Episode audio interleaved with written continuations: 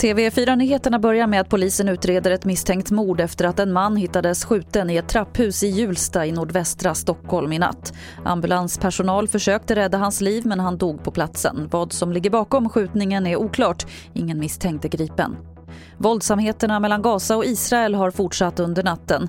Terrorstämplade Hamas säger att man har avfyrat över 100 raketer mot Israel och Israel har svarat med flera flygattacker. Läget i området beskrivs som det värsta på flera år. Och vi avslutar i Landskrona där det varit oroligt sent igår kväll och polisen fick hjälpa räddningstjänsten vid flera mindre bränder.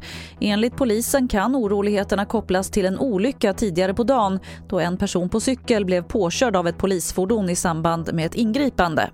Som jag förstått det så var det hetsk stämning på platsen för den här trafikincidenten och eh, då kan man ju dra slutsatsen att, att missnöjet från eftermiddagen har spilt vidare här in på, på kvällen.